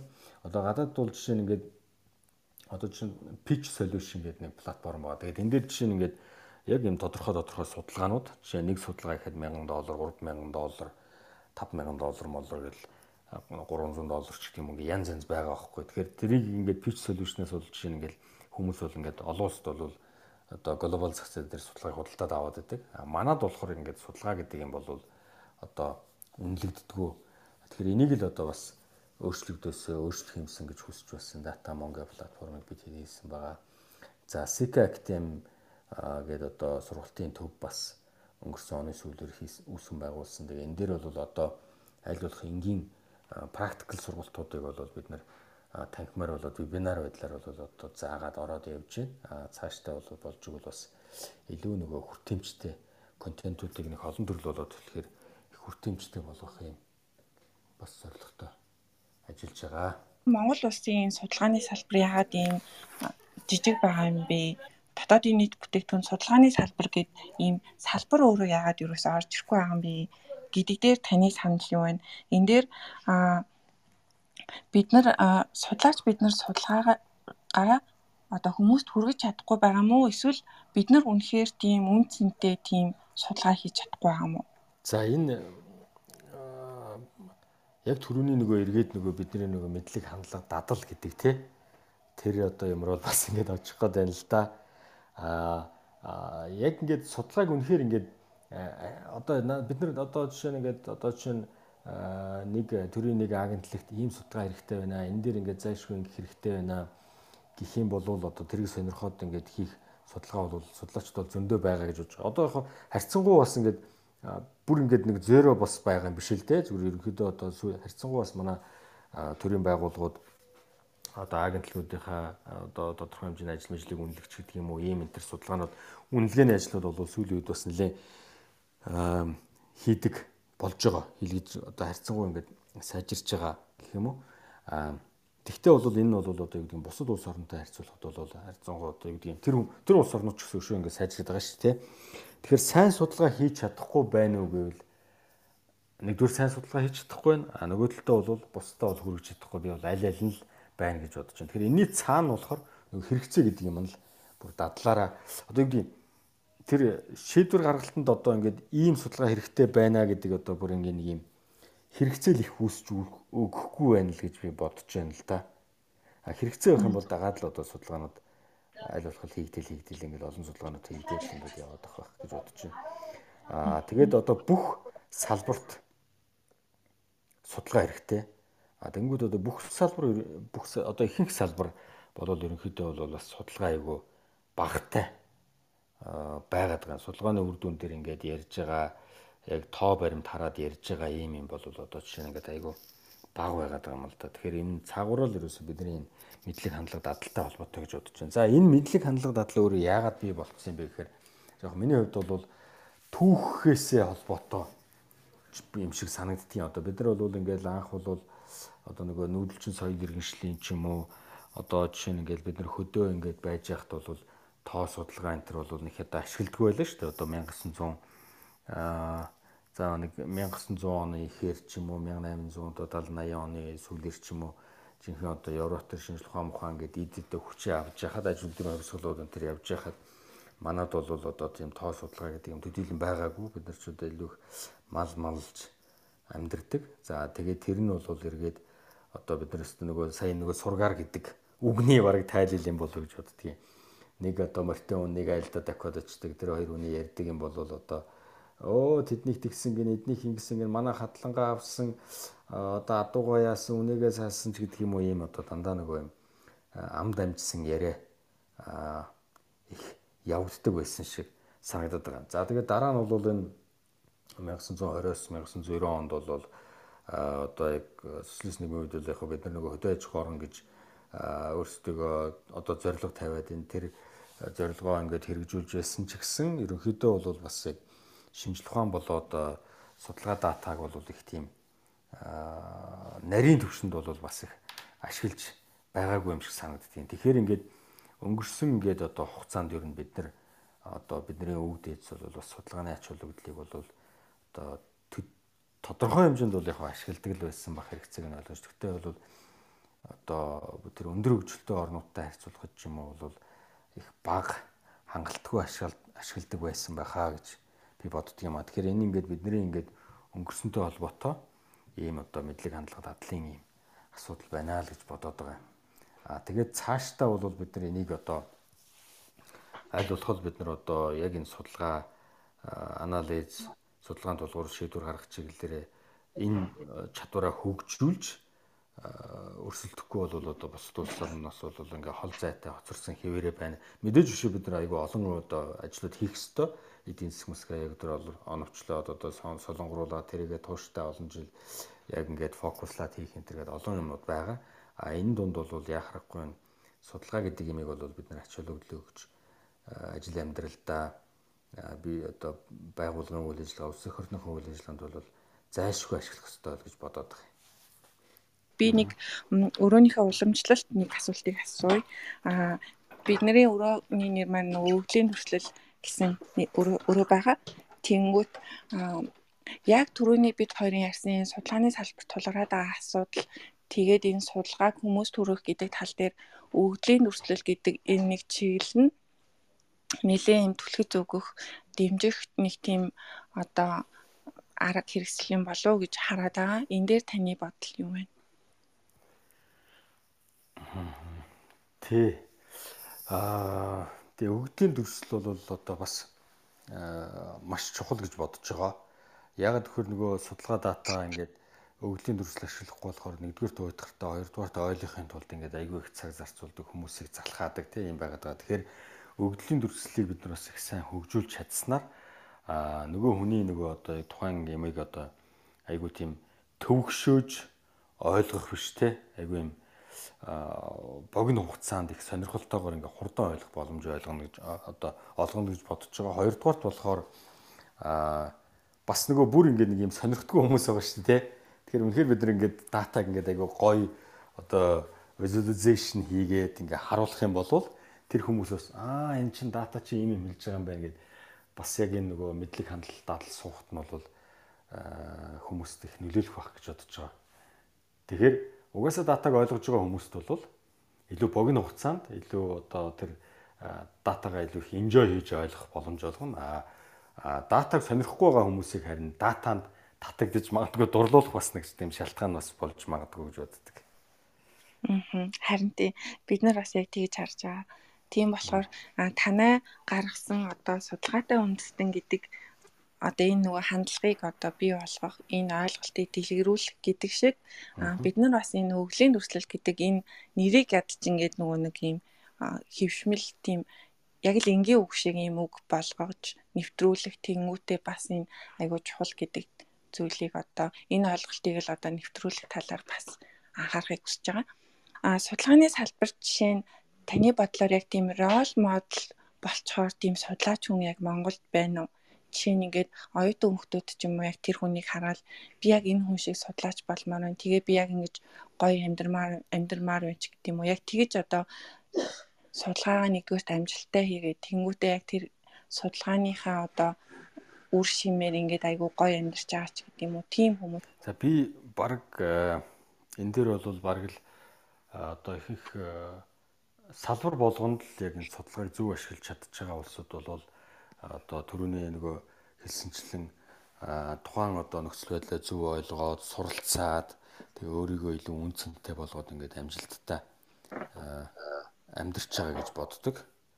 Тийм тэгээд одоо илүү одоо яг тэр судлаач энэ судлаач гэхээс илүүтэй яг л салбар болгонд л тий одоо жишээ нь ингээл энэ сүүлийн үед ярьж байгаа гендрийн асуудал гэх юм хүрээлэн байгаа орчин гэх юм уу яг ингээд төлөөл болохоор бас нэлээд одоо олон судлаачдууд яг тэр тухайн ингээд сэдвээ бариад тэрүүгээр ингээд бүр 5 10 жил 15 жил ингээд тууштай судалгаа хийгээд ингээд ажиллаад явж байгаа хүмүүс бол айгүй олон байгаа гэж бодож байна. Тэгээд энэ одоо бизнесийн салбарч гэсэн адилхан ингээд яг судалгааг илүү сайн ашигладаг байгууллагууд нь бол бас илүү өрсөлдөх чадвар сайтай а төдий чинээгээр бол бас илүү инновацлаг тий бүтээл шин бүтээгдэхүүнүүд зах зээл дээр бий болгож ингэж явж чадж байгаа бол харагддаг. Тэгэхээр одоо товчхондоо бол илүү амжилттай тий явж байгаа хүмүүс бол ер нь л их сайн судлаач жишүүл гэж би хэлэх гээд байна л да. Өөрийнхөө одоо нөгөө нэг амжилттай яваа. Амжилттай яваа. Юу лээ эр хүний ард нөгөө нэг тийм амжилттай эмэгтэй хүн баг шиг. Амжилттай яваа бизнес ч юм уу хүний ард. Одоо тийм дата судалгааг амжилттай ашигласан түүх байгаа л гэдэг юм байх нь шүү дээ тий. Тий. Тий. Жис айгу гоё яллаа бүр. Ер нь тэр амжилттай эр хүний ард бол эмгтэй хүн ч бас байгаа юм биш. Ер нь бол дата л байгаа шиг үү. За жог шүү. А бүрүү. Гү гү. Өнөөдрийн яриад нас айгүй олон тийм нэг гоё юм ураа үг шиг тийм үгнүүд тэгээ нэг юм гоё санаанууд айгүй гарч ирээд аим шиг санагдаж байна л та. Тэрийг би бас ингээд аа цааш нь ингээд дэлгэрүүлээд явах юм бол айгүй гоё ингээд нэг тийм одоо нөгөө нөлөөллийн ажил маягаар ийм энгийн үг ийм нэг ураа үг эднэрийг ашиглаад энэ судалгаатай үндэстэн гэдэг шиг түрүү бас зөндөө юм гарч ирсэн зургаар биш судалгаагаар гэдэг ч юм уу иймэрхүү нөгөө нөлөөллийн ажил бас нэлээд хэрэгтэй юм шиг санагдаж байна яг энэ салбарт. Харин тийм тий. Одоо яг одоо тэгэл яг энэ одоо энэ баг энэ өрөөнд байгаа улсууд бол бүгдээрээ энэ судалгааны ач холбогдлыг бас ойлгодог энэ яг дүрслэл visualization гэдгийн ач холбогдлыг ойлгодог юм хүмүүс байгаа хэл та. Тэгэхээр энэ дэр ингээд бид бүхэн цаашдаа ингээд аль болох одоо энэ чиглэл рүү хамтраад тий одоо олон ажлуудыг бол бид нар бас хийх хэрэгтэй байхаа л гэж би бодож байна тий. Одоо магадгүй энэ судалгаа гэдгээ өшөө бүр ингээд түрүүний нөгөө critical thinking гэдэг шиг бүр яг юм сэтгэлгээ бодол модалтай холбох ёстой ч юм уу тий. Ингээд янз янзын одоо яг томлон хэлдэг шиг юм нөлөөллийн ажлууд бас нэлээ хийх хэрэгтэй баха тий. Одоо бас ингээд сүүлийн үед бас нэг ийм юу байгаа. Аа нөгөө манай бизнесийн байгууллагууд яг нэг ийм одоо юу гэдэг юм нэг ийм Одоо яг ингээд ийм зах зээл дээр ингээд нэг юм амжилттай явж байгаа. Түрүүний нөгөө амжилттай яваа бизнесийн ард судалгаа байгаа гэдэг шиг Тэр бол нэрээ айгүй ерөнхийдөө бодтой. Айгүй бодтой. Яг гэхээр энэ одоо бид нар ингээд яг ингээд захиал судалгаа хийлгдэг ч юм хамтарч ажилладаг юмнууд бол яг тэр тухайн сегмент индастри дээр бол ихэнх нь дандаа ялагчд байгаа байхгүй юу? одоо яг ингээд тэгээд бүр яг тэр судалгааныхаа амтанд орцсон тий. Одоо яг ингээд тэр нэг судалгаа хийгээл дараагийнх нь за одоо нэг юм үзмээр одоо нэг юм үзмээр байна. Хурдан хурдан ингээл хурдан үрдэнгээ хармаар байна гэлтэй яг бүр нэг юм бүр нэг юм судалгаагаар одоо тэр бүр ажил нь ингээд тэр судалгаанаас одоо бүр хамааралтай болцсон гэх юм уу те? Бүр ингээд судалгаагүй болохоор одоо баг ингээд хан мөргөөд зогсдог болохоор ч болцсон юм уу? Бүр нэг тийм мэдрэмж бид нарт айгүйх мэдрэгддэг. Тэд нар чинь тэгвэл бүр яг үнэхээр нөгөө дадал болгоцсон шүү дээ тий. Яг бүр өстой яг дадал болгоцсон. Тэгээд тийм нөгөө компаниуд ингээд бас үед ингээд ерөөдөө яг хөө цөөхөн ч гэсэн ингээд бий болоод ингээд бас багаагаар нэмэгдээд байгаад нь бас айгүй олзуурч байгаа За мөн одоо нөгөө гаднаас ингээд нөгөө хөрөнгө оруулалт татдаг шүү дээ. Тэрний судалгаанууд бол бас нэлээд яг эдийн засаг нөгөө юу цаанаас нь шаардаад нэлээд ажилласан. Одоо бол а бас нэлээд идэвхтэйгэр илүү нөгөө партнершип энэ төр үүсгэх гаднаас хөрөнгө оруулалт татах татахтай энэ төр байгууллагууд бол одоо бол өөрсдөө санаачлаад ерөөсөө ийм судалгаа байгаад ингээд хийгээд энэ хөрөнгө оруулалт амжилттай болоод бизнес болохын тулд биднэрт яг ийм судалгаа байх ёстой А энэ судалгаа байхгүй бол бид нэр яг энэ бизнес амжилттай болно гэж хэлж чадахгүй ч гэх юм уу. Ийм байдлаар бас гадны хөрөнгө оруулалт зориулсан юм судалгаанууд бас их хийгдэж байгаа. Тэгэхээр энэ бол бас нэлээд сайн үзүүлэлт гэж бодож байгаа. Гэхдээ нөгөө идэвхтэй байдлаар шүү дээ тий. Өөрсдөө ингээд хүсээд яг энийг хараад тэгээ тэрэн дээр итгэл үнэмш төрчих юм бол тэрийг авчиад хөрөнгө оруулалттай танилцуулаад энэ яг болохоор байна гэдээ ингээд явж байгаа. Байдал бол их ажиглагдаж байгаа. Өмнө нь бол яг жоохон тийм пассив маягтай тий ингээд ийм юм шаардаад байгаа маа гэдэг айгүй ерөөд бас тийм хандлагууд байсан л да. Аа.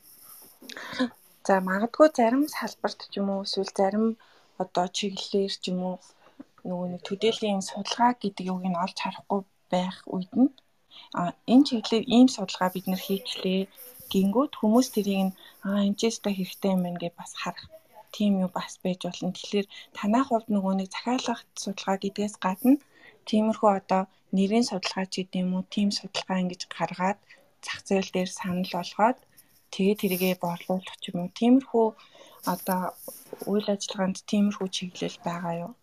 Аа. За манайх юу яасан бэ? Яг нь нийгмийн хариуцлагын хүрээнд бас бид хэд нэлийн судалгаанууд хийдгэлдээ. Одоо сая ковидын хөл хорионуудын үед бол нэлийн судалгаанууд хийсэн. Аа за мөн одоо одоо бүр яг нөгөө тодорхой бүр байгууллагт бүр нийгмийн хариуцлагын хүрээнд бас судалгаанууд өөрсдөө ингээд санаачилж хийж өгч ирсэн тэр тохиолдлууд бол одоо жишээ нь байгаа. Сая хамгийн 2020 оны 11 сарын одоо хөл хоригоор жишээ нь бид нөр өөрсдөө бас өөрсдөө одоо судалгаа хийгээд тэгээд тэрнийхээ үр дүнг бол одоо шийдвэр гаргадаг хүмүүс рүү тэр одоо ерөнхий сайд онцгой байдлын газрын дарагч гэдэг юм уу ингээд хүмүүс рүү бас явуулсан. 12 онд 12 сард дахиад хөлөөрөнд ороход дахиад бас хийсэн. Тэгээ тэр үеэр бол жишээ нь эхний бид судалгаагаар бол жишээ нь иргэдийн орлого бол 40% буурсан. Тэгээд тэрэн дотор яг нөгөө албан бус хөдөлмөр эрхлэлт нь ингээд айгүй бүр илт бууцсан харагдаж байгаа юм л да. Тэгэхээр энэ 12 он 12 сарын хөлөөрөнд болохоор яг албан бусын үзэнгүүд албан бусынх нь орлого 97% буурсан тий. Тэр зээл мэйл түрээс өмнө айгүй хэцүү болсон юм нөхцөл байдал бол жишээ нь харагдаж байна. Тэгээд энэ юмуд бол яг шийдвэр гаргалтанд аягүй сайн нөлөөлдөг. Одоо хэрэг болдог байх л гэж би найд бидэд бас найдаж байгаа л да. Аа за тэгээд нөгөө талаар бол энэ нөгөө салбарын судалгаанууд бид нар бас хийж ирсэн. 20 онд одоо тос тослогооны материал, уул уурхайн тоног төхөөрөмжийн гэдэг юм салбарын судалгаанууд хийгээд тэгээд тэрийг дата мон дээр тодорхой хэмжээний үнэлээд тодорхой одоо үнээр үнэлээд зарсан. Тэгээ бас баяртай мэдээ нь бас бид нар бас нэг хэд хэд үеийг бас зарж чадсан байгаа. Тэгэхээр нөгөө бас энэ бүтээл үнэлэгдэж гин гэсэн үг шүү дээ. Яг хөө мэдээж тийм одоо гаргасан зардал маралтайгаа харьцуулахад бол хангалттай биш л дээ.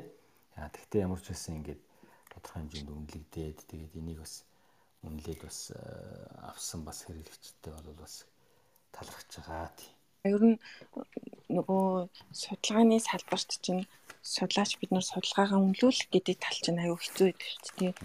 За яг нөгөө нэг захиалгах судалгаа ч юм уу эсвэл нөгөө нэг төсөөл эднэрийн төслийн ажил дээр яг ингээд яг тухайн ажлынхаа хүрээнд үнэлэлтэд авчиж байгаа. А тэнгууд ингээд санаачлагаараа хийсэн ч юм уу эсвэл а тодорхой зөвхөн нэг судлаачийн одоо нэг судалгааны ажлаа ингээд үнэлүүлэх гэхээр аюу хэцүү. Тэгээд үнэлэмж нь ч тодорхойгүй аа тэгээд нөгөө нэг цаана авах хэрэглэгч нь ч бас бага байдаг. Тэгэхээр судалгаа ингэж судалгааг нөгөө үнэлүүлэх гэдэг бол бас бидний хийх ёстой тийм анхаарах ёстой зүйл болчиход байгаа тий. Салбарын одоо нэр хүндийг өсгөхийн тулд судалгаа нь өөрөө үнцэнтэй тэгээд юм үнэлэгдсэн байх ёстой болчиход байгаа. Аа сүүлд бас нөгөө манай подкастэнд тэнглэг зуучийн оролцсон байхгүй юу? Тэгээд тэд нар бол яг нөгөө үл хөрөнгөний салбарт ингээд нэлээд урт хугацааны ингээд дата цуглуулчихсан. Нэлээд өргөн хүрээний тэгээд тэр чинь нөгөө бизнесийн байгууллага тэнгуут ингээд үл хөрөнгөний ингээд датаг өөртөө бий болгочихж байгаа байхгүй? Тэгээд тэрэн дээр үндэслээд тогтмол судалгаанууд гаргаад явдаг. Тэр нь ингээ өөр ингэсэн хэрэглэгчтэй болчихсон. Тэгээ мэдээж үнэлүүлээд явж байгаа. Тэгээ тодорхой ашигын тодорхой хувийг бүрдүүлээ явж байгаа байхгүй? Тэр бол маш тийм гоё жишээ жишиг санагдсан. Аа өөртөө датаг бүтээгээд тэгээ судалгаа олгоод тэрийг өмлүүлж байгаа гэдэг талаас бол маш тийм гоё жишээ болгож ярихаар тийм ажил санагдчихсэн. Тэгээд саяны тэр нөгөө ийм одоо шинэлэг судалгаануудыг ингэ зах зээл санал болгох нь бас өөрөө тийм уг нь айгуу тийм салбарын нэр хүндийг өсгөхөд айгуу чухал юм шиг санагдаад байгаа. Тэгээ бид нар чинь нөгөө өөртөө дор дорын ажил дээр анхаарад тэгээ илүү цаг гаргаж чадахгүй тиймэрхүү судалгаанууд хийхэд нөгөө нэг баг хийх нь баг болчиход байдаг. Тэгээ бас нөгөө салбарын судалгаа бас нэлээд тутмаг санагддаг. Танаар ч гэсэн яг тэр үнцгийг олж хараад тэдгээр судалгаануудыг хийсэн байх гэж бодож байна. Одоо нөгөө янз бүрийн төслийн төсөөл бичгээс хэсүүлэл одоо тухайн бизнесийн байгууллага өөрийнхөө салбартаа юу болж байгааг мэдгээл тогтмол тийм салбарын судалгаанууд уг нь аюул хэрэгцээтэй байдаг юм шиг. Тэгээ гол нь тогтмол байх хэрэгтэй юм шиг байлээ л дээ. Жил болгон ч юм уу, улирал болгон ч юм уу. Тэгжээж нэг өөрчлөлтийг нь хардаг. Тэгээд нөгөө хэрэглэгч нар ч гэсэн ингээд тогтмол хүлээдэг болчдаг ч гэдэг юм уу. Одоо жишээлбэл одоо энэ нөгөө нэг э, саяын тэр салбарын судалгаа хийдэг нь болохоор бид нар магадгүй ингээд биднээр ингээд хийх юм бол одоо э, бид нар яг тэр нөгөө дата мон дээр зарсан үнээс 10 дахин илүү үн ингээд гарна шүү дээ тий. Тэнгүүд бид нар тэрийг ингээд хийнгүүтээ тэрийг 10 хүнд ингээд хуваагаад зарчхаар тэр 10 байгууллага чинь аруулаа ингээд нөгөө энгийн одоо э, суур датагаа ингээд мэдчихээр а үлдсэн нөгөө нэг судалгаанд зарцуулах байсан мөнгнүүдээ өөр юмдаа одоо зарцуулах байх байх таа л гэж найддаг юм л да ер нь. Ямиг ингээд хуваагаад хямдруулаад өчгөр тий тэгж э, найд тэгж боддог тэгээд бас тэрүүгээр бас жоо хов нэмэр болдог бахаа л гэж боддیں۔ Тэгээ яг нөгөө тогтмол ингээд үзээд яг одоо өөрөө хэлсэн чинь ингээ гоё метриксүүд ингээ хараа явцдаг бол уг айгу амар байгаа байхгүй. Тэгээд э, тэн дээр бас э, бидэд бас тодорхой яг юмнууд яаж чад. Гэхдээ яг болохоор нь л хэлий та ямарсан судалгаанууд хийж үзсэн бас нэг хэд хэдэн судалгаа бол бас болмоор юм бэлээ. Ямар гоё тэр чи хурдан сонсмоор байна.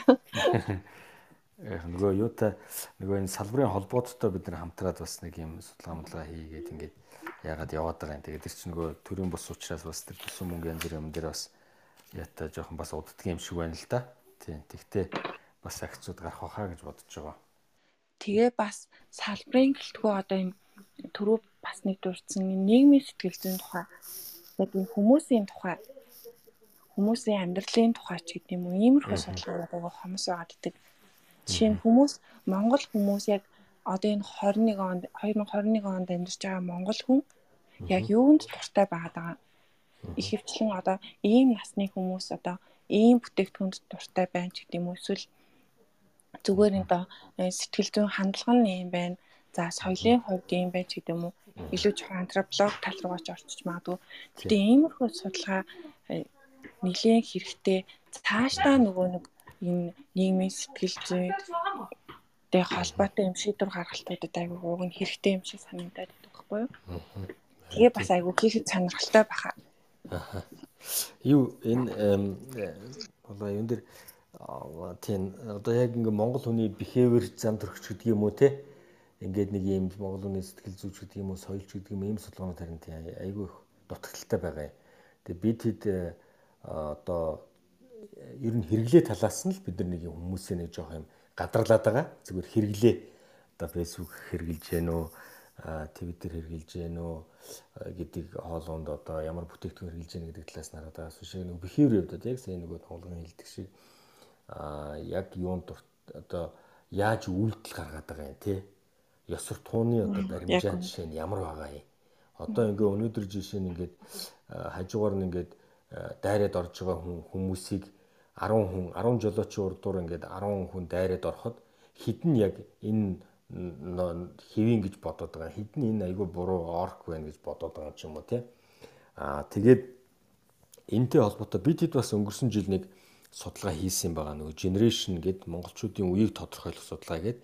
Тэгээ энэ дээрээ бол яхаар одоо энэ яг саяын одоо хилдэг шиг behavior тал руу найдварлах бид нар судалгаа хийх гэж үзсэн байгаа. Тэгээд гол санаа нь болохоор яаж байгаа гэхээр ер нь монгол хүмүүс бол энэ өндөр хөгжилтэй орны ингээд одоо капиталист нийгэмд ингээ 2 300 жил болсон орнуудын орны хүмүүсээс зам төрхийн хувьд бол өөр юм шүү өөр байх гэдэг таамаглал дэвшүүлээ тэгээд тэрийг батлах тийм судалгаа хийсэн л дээ. Тэгээд монголчуудын үеийг бас дөрөв ангилсан ба одоо жишээлбэл а XYZ гэдээ яриад байгаа шүү дээ. Нөгөө millennial Z ч юм болохоор Z generation Y нь болохоор millennial гэдэг байгаа тий. X нь болохоор аа тэгээд тэрний өмнөх нь болохоор boomer center гэдэг ингээд а тэнгууд эн чинь болохоор яаж байгаа гэхээр энэ хүмүүс өнөөдөр яг надтай адилхан настай Америк хүн битгаар ингээд асуудал магадгүй хандах юм бол битгаар хоёр өөр үнд зүйлтэйгээр хоёр өөр зам төрхтэйгээр харьцах байхгүй. Тэгэхээр яагаад гэж юм гэхээр тэр хүмүүс болвол тэр 2 300 жил капиталист нийгэмд амьдарсан. А би болвол капиталист нийгэмд одоо төрж өсөж одоо ингэж амьдарч байгаа. Тэгтээ манай аав ээж социалист нийгмийн үнд зүйлтэй байхгүй. Тэнгүүд тэр социалист нийгмийн хүчтэй үнд зүйлүүд одоо болтол надад жишээ нь маш хүчтэй ингэж байж байгаа. А тэгэхээр одоо ингээд нийгмийн үеуд жишээ нь яаж үүсдэг гэхээр яг тухайн систем дотор байгаа зөвшөөрөгдсөн value буюу үнд зүйл зарчмуудын хүрээнд ингээд үүсдэг. Одоо ямар нэгэн эдийн засгийн хамрал ч юм уу эсвэл цар тахал ч юм уу ийм нөлөөллөөс ингээд болоод тодорхой үеүүдийн хооронд нэг юм хандлагын ялгаанууд гардаг. Одоо жишээлбэл ковид гингүүд энэ ковидоос хоошоо ковид гэдэг ийм том цар тахал болонгууд бидний одоо халдвар төвчнийг харах үнцэг бол нь маш өөр болчихж байгаа юм л да. Энэ өөрөө эдийн засгаас ч магадгүй одоо том импакттай ийм нөлөөлөлттэй ийм зүйл байж магадгүй байна. Тийм учраас эрүүл мэндийн салбарыг бол зүгээр ингээд тоохгүй дагвар салбар гэж бид нар бид нар бодож болохгүй юм байна ч гэдэг юм уу те. Бид нар өөрсдөө одоо дараагийн удаа бол аль болох өөрсдөө вакцина үйлдвэрлэх хэрэгтэй юм байна ч гэдэг юм. Ингээд одоо энэ дотор яг энийг мэдэрч байгаа одоо 18 настай залуу одоо 12 настай хүүхдэд энэ төр бол яг тэр ингээд сэтгэл зүйн нөлөөллийг нь энэ ковид энэ хямрал өөрөө айгүй хүчтэй өгж байгаа. Тэгэхээр одоо магадгүй 12 настай хүүхдээс чинь мөрөөдлийн үйл би вакцин бүтээх гэж хийж магадгүй байхгүй. Тэгэхээр энэтэй адилхан манай улсад юу болсон бэхээр 1990 он л өөрөө яг ийм социалист нийгэм болоод капиталист нийгэм рүү ингээд шилжих юм ингээд үе байсан. А энэ 90 оны энэ одоо шилжилтийн үеэс хамаарат энэ 90 оны энэ үйл явдал тухайн үед өсвөр насндаа байсан хүүхдүүд яаж нөлөөлсөн? А 20 эдтэй байсан залууд яаж нөлөөлсөн 40 эдтэй байсан залууд яаж нөлөөлсөн 60 эдтэй байсан хүнд яаж нөлөөлсөн гэдэг нь өөр өөр нөлөөлөлттэй байдаг. А тэнгууд бидний өнгөрсөн жилийн дээр хийсэн судалгаагаар generation Mongolian generation гэдэг бидэд ингээд нэр өгөхөд жишээлбэл би та бүхэнд бас зарим нэг сонирхолтой жишээ дуртахад одоо жишээ нь Z generation гэж нэрлэдэг. А бид нар бол яг Z generation гэдэгс татгалцсан л да яг тэгвэл бэхээрийнхөө өөр юм чинь. А тэнгууд бид нар шинэ үеийнхэн гэж нэрлсэн Монголын шинэ үеийн залуучууд гэдэг одоо 95 оноос хойш төрсэн. А тэгээд шинэ үеийн залуучууд нь өнөөдөр ажлын байран дээр гараад юу гэж бодож байна ийм асуулт байна. Таныг таны ажил олгогч байгууллага таны хөдөлмөрийг зөв үнэлж болж зөв үн одоо шудраг үнэлж байгаа гэж та бодож гэнэ үү гэсэн чинь ихэнх нь үгүй гэж бодож байгаа. Та ойрын хугацаанд ажлын байрыг солих бодолтой байна уу гэсэн чинь тийм ээ ойрын хугацаанд солимоор байна гэж. За тэгвэл 1960 одоо 4 оноос ерөнхийдөө өмнө төрсэн 65 оноос өмнө төрсэн хүмүүсээс ингээд асуунгууд өө миний ажил бол миний намайг бол ингээд шударгаар үнэлж байгаа. Би энэ ажилдаа бол одоо тэтгэврт гартаа тууштай ажилланаа. Одоо би энэ байгууллагт ингээд энэ олон жил ингээд ажилласан цаашдаа ч олон жил ажиллахдаа би бол сэтгэл ханамжтай байх болно гэж ингэж одоо хариулж байгаа байхгүй. Тэгэхээр энэ хоёр бол жишээ нь ингээд хандлагынхаа хувьд тийм магадгүй социалист нийгэмд бол ингээд яг одоо ингээд өөрт чинь ингээд байгаа ажил тэр юмаа ингээд сайн хийх нь бол одоо айгүй чухал одоо хүний амьдралын одоо юу гэдгийг ажил амжилттай байхад их чухал гэж үздэг байсан бол өнөөгийн нийгэмд бол тий одоо юу гэдгийг сонирхлоо даах одоо юу юу ч гэдэг юм ингээд одоо янз янзын тренд ч гэдэг юм эсвэл олон улсын одоо бус улс орны одоо цалин бүнсүү юмтай харьцуулдаг юм уу эсвэл одоо олон улсын байгууллагын байгууллагуудын соёлын талаар ном уншичаад тэрнтэйгээ харьцуулж ингэж одоо сэтгэл дундурч байдаг юм. Ингээд янз янзын юм нөлөөлөд байгаа. За тэгээд ёс суртахууны баримжаа гэсэн сэдв бүлэг бас тэн дотор байсан улс төрийн үзэл баримтал гэх мэтлэн байдлаар ингээд behavior тал руу ингээд тандсан тийм асуултууд бол бид нар бас нэлээд асууж behavior тал руу сонирхоод тэрнийхээ одоо үндэслэн дээр ингээд ялгасан байгаа. За мөн одоо шашны тухай асуултууд бас байсан. Итгэл үнэмшил гэдэг хэсэг дотор бол шашин орж ирсэн. За тэнгуут ингээд шашин та ингээд шашин шүтгүү гэхээр айгүй өндөр хөвтэй тийм гэж хариулж. За тэгвэл одоо үйлдэлийн шалгай. За тэр хүн шүтдэг гэж хэлчлээ. Тэгвэл тэр хүн үнэхээр яг шашин шүтдэг юм бол одоо нөгөө ритуал буюу одоо зан үйлийн үлдэх ёстой шүү дээ. Тэгвэл та дөрвөөс одоо 3-аас дээш удаа зан үйл хэдэн удаа үлддэг байнгут 41% болоо багасчих. За тэнгуут та тэгвэл одоо ингээд 11-ээс дээш буюу одоо бүр жинхэнэ одоо шашны итгэгч байна гэдэг 11-ээс дээш ингээд зан үйл үлддэг гингүүд 12% болж багасч байгаа байхгүй. Тэгэхээр үлдсэн 60% нь бол ерөнхийдөө бол одоо юм одоо хуурамч байдлаас шашныг те ингээд шүтдэгч байдаг юм уу те. Тэгээд дотор нь ингээд задлаад үзэнгүүд их сонирхолтой нь юу гэхээр будын шишнийг шүтж байгаа улсууд бол тоон их олон хэрнээ одоо чанар нь айгүй баг гэдэг нөгөө одоо тэр зан үйл үлдэх тоон айгүй баг. А гэтэл христийн шашин одоо христийн шашин бол илүү одоо шүтж байгаа үн цөөхөн хэрнээ зан үлийн зан үлийн үлдэх одоо тэр чанар нь айгүй ихч гэдэг юм уу те их олон тоогоор нэг ч хугацаанд зан үлээ үлддэг. Тэгэхээр тэр одоо шашиндаа бол илүү их одоо ихтгэл үнэмшил нь бол илүү хүчтэй байна ч гэдэг юм уу. Ингээд янз янзын юм ялгаанууд бол бас ингээ гарч ирсэн. Тэгээд үеүдээсээ бол хамаарад бас аль шашин шүтж байгаа энэ тренд бас гарч ирсэн. Та бүхэн маань нэрээ сонирхол энэ судалгаа маань манай дата мон дээр байгаа. Англи монгол хэл дээр хоёулын дээр нь байгаа шүү. Бас их сонирхолтой судалгаа болсон гэж бид хэд найдаж байгаа. А энэний энэ судалгааг одоо танилцуулсны дараа бас олон байгууллагууд бас холбогдож байна. Айгүй хэрэгтэй судалгаа болсон байна. Энийний дагуу бид нар бас хэрэглэгчийнхээ одоо нөгөө CRM буюу хэрэглэгчдийнхээ тэр бүртгэл одоо сегментийг бол ахин загварчилсан энэ төр надад бол бас хэлж ирсэн. Зарим нь мэйл өччихсэн, ярьж ирсэн бас. Тэгээд бас нэг юм хэрэгтэй юм хийцэн гэд мэдрэмж бас гоё байдаг шүү дээ, тий. Тэгээ энэ судалгааг бол бид нар бол тех үед бол өөрсдөө нийгмийн хариуцлагын хүрээнд санаачиж хөрөнгө оруулалт гаргаж ингээ хийсэн. Аа Энэ жил болохоор энэнийхээ үргэлжлүүлээд бид нар бас нэг судалгаа хийж байгаа. Бүр бүр их мөнгө гаргаад иж байгаа. Тэгээд бас нөгөө их оронд маань л одоо хэрэг болох байх гэж бодож байгаа л да. А энэ жилийн хийж байгаа судалгаа бол бид нар юу хийж байгаа юм бэ гэхээр а соёлын ялгаа буюу одоо Монгол хүний behavior нь одоо бусад улс орнуудынхаас одоо яг юугаараа ялгаатай юм бэ гэдэг тал руугаа. Гэхдээ нэг тодорхой арга зүйнд баригдаж байгаа учраас бид нар бол дэлхийн 54 орны одоо хүмүүсийн дататай Монгол хүмүүсийн одоо датаг ингээ харьцуулж гаргах гэж байгаа. За жишээлбэл ямар үр дүн гарах юм гэхээр за Монгол хүн одоо үнэхээр нөгөө багаар ажиллаж чаддаг юм уу? Эсвэл яг амиа бодомхоо юм уу? Эсвэл эсвэл Монгол хүн одоо урт хугацаанд юмыг төлөвлөж чаддаг юм уу? Ингээд төлөвлөж боддог юм уу? Эсвэл Монгол хүн өдөр өдрөөр амьдрдаг юм уу? ч гэдэг юм уу те. Ингээд нэг ийм dimension одоо хэмжээсүүд дээр датагаа гаргаад тэгээд бусад одоо 54 орны дататай харьцуулаад бид нар ингээд гаргах юм байна. Тэгэхээр яг Монгол хүний бас нэг behavior-ыг таних гэсэн бас нэг шат бол бас энэ бидний одоо таньж мэдсэн шатаа бол бас нэг шатаар ахиулж чадах байхаа гэж бас найдаж байгаа. Тэгээ энэний дараа бол бас одоо олон байгууллага одоо хамт олон шийдвэр одоо бодлого шийдвэр гаргаж байгаа улсууд хүртэл бас хэрэг болох байхаа гэж бас найдаж байгаа.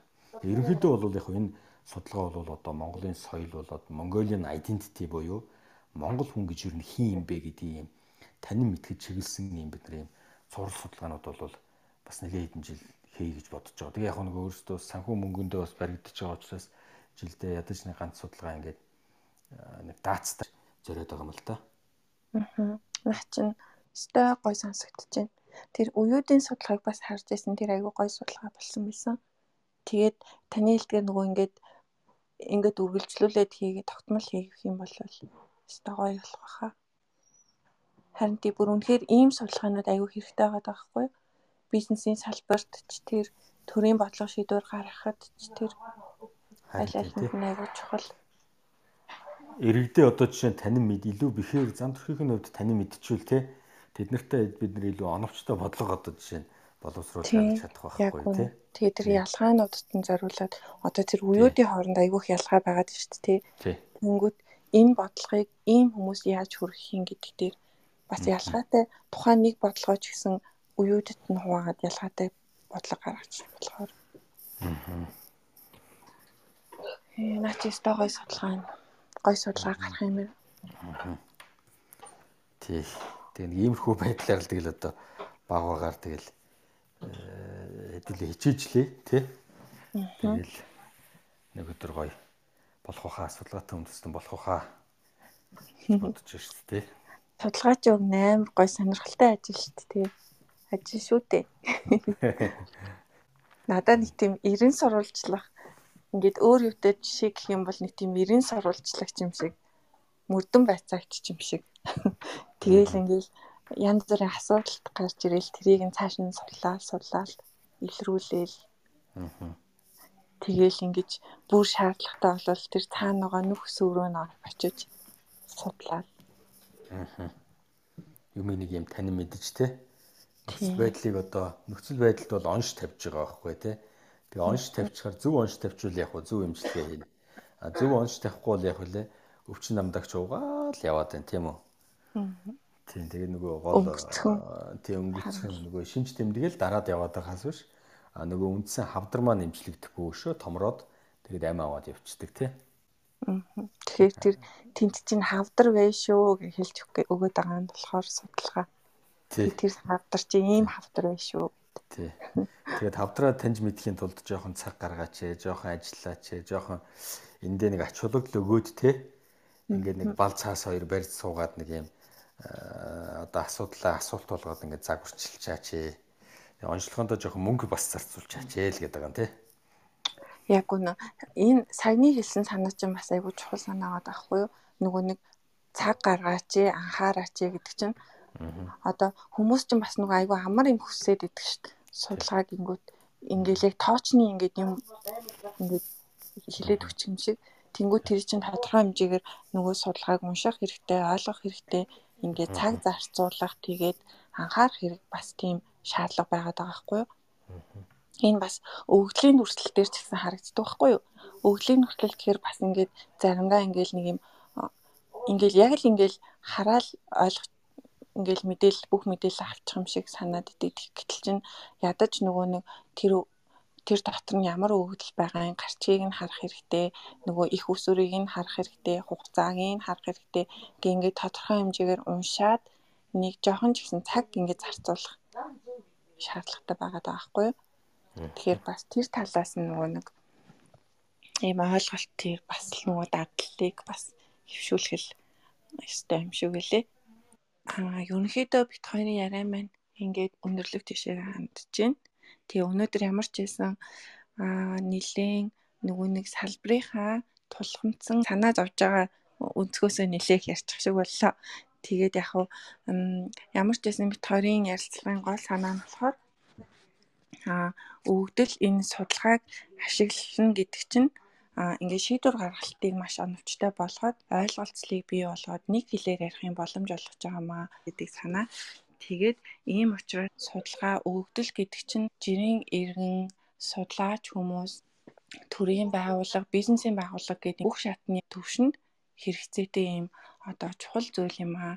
Аа гэхдээ энэ судалгааг өгөгдөл гэдэг зүйлийг ашиглах энэ одоо хандлагыг бий болгох, дадлыг бий болгох гэдэг тал руу илүү анхаарах юм бол үр дүнтэй юм байна гэдэг талаар ярилцлаа.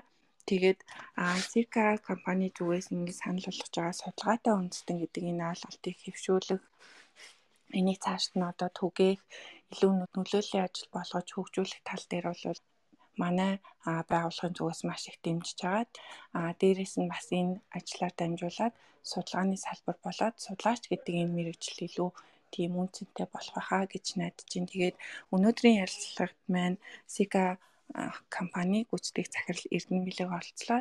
Танд манай урилгыг хүлээн аваад манай подкастт ярилцсанд маш их баярлалаа. За баярлалаа.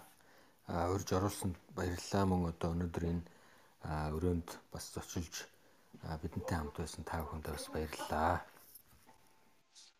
За тэгээд цаг байсан бол ингээ яриад л яриад л юмар байлаа л да.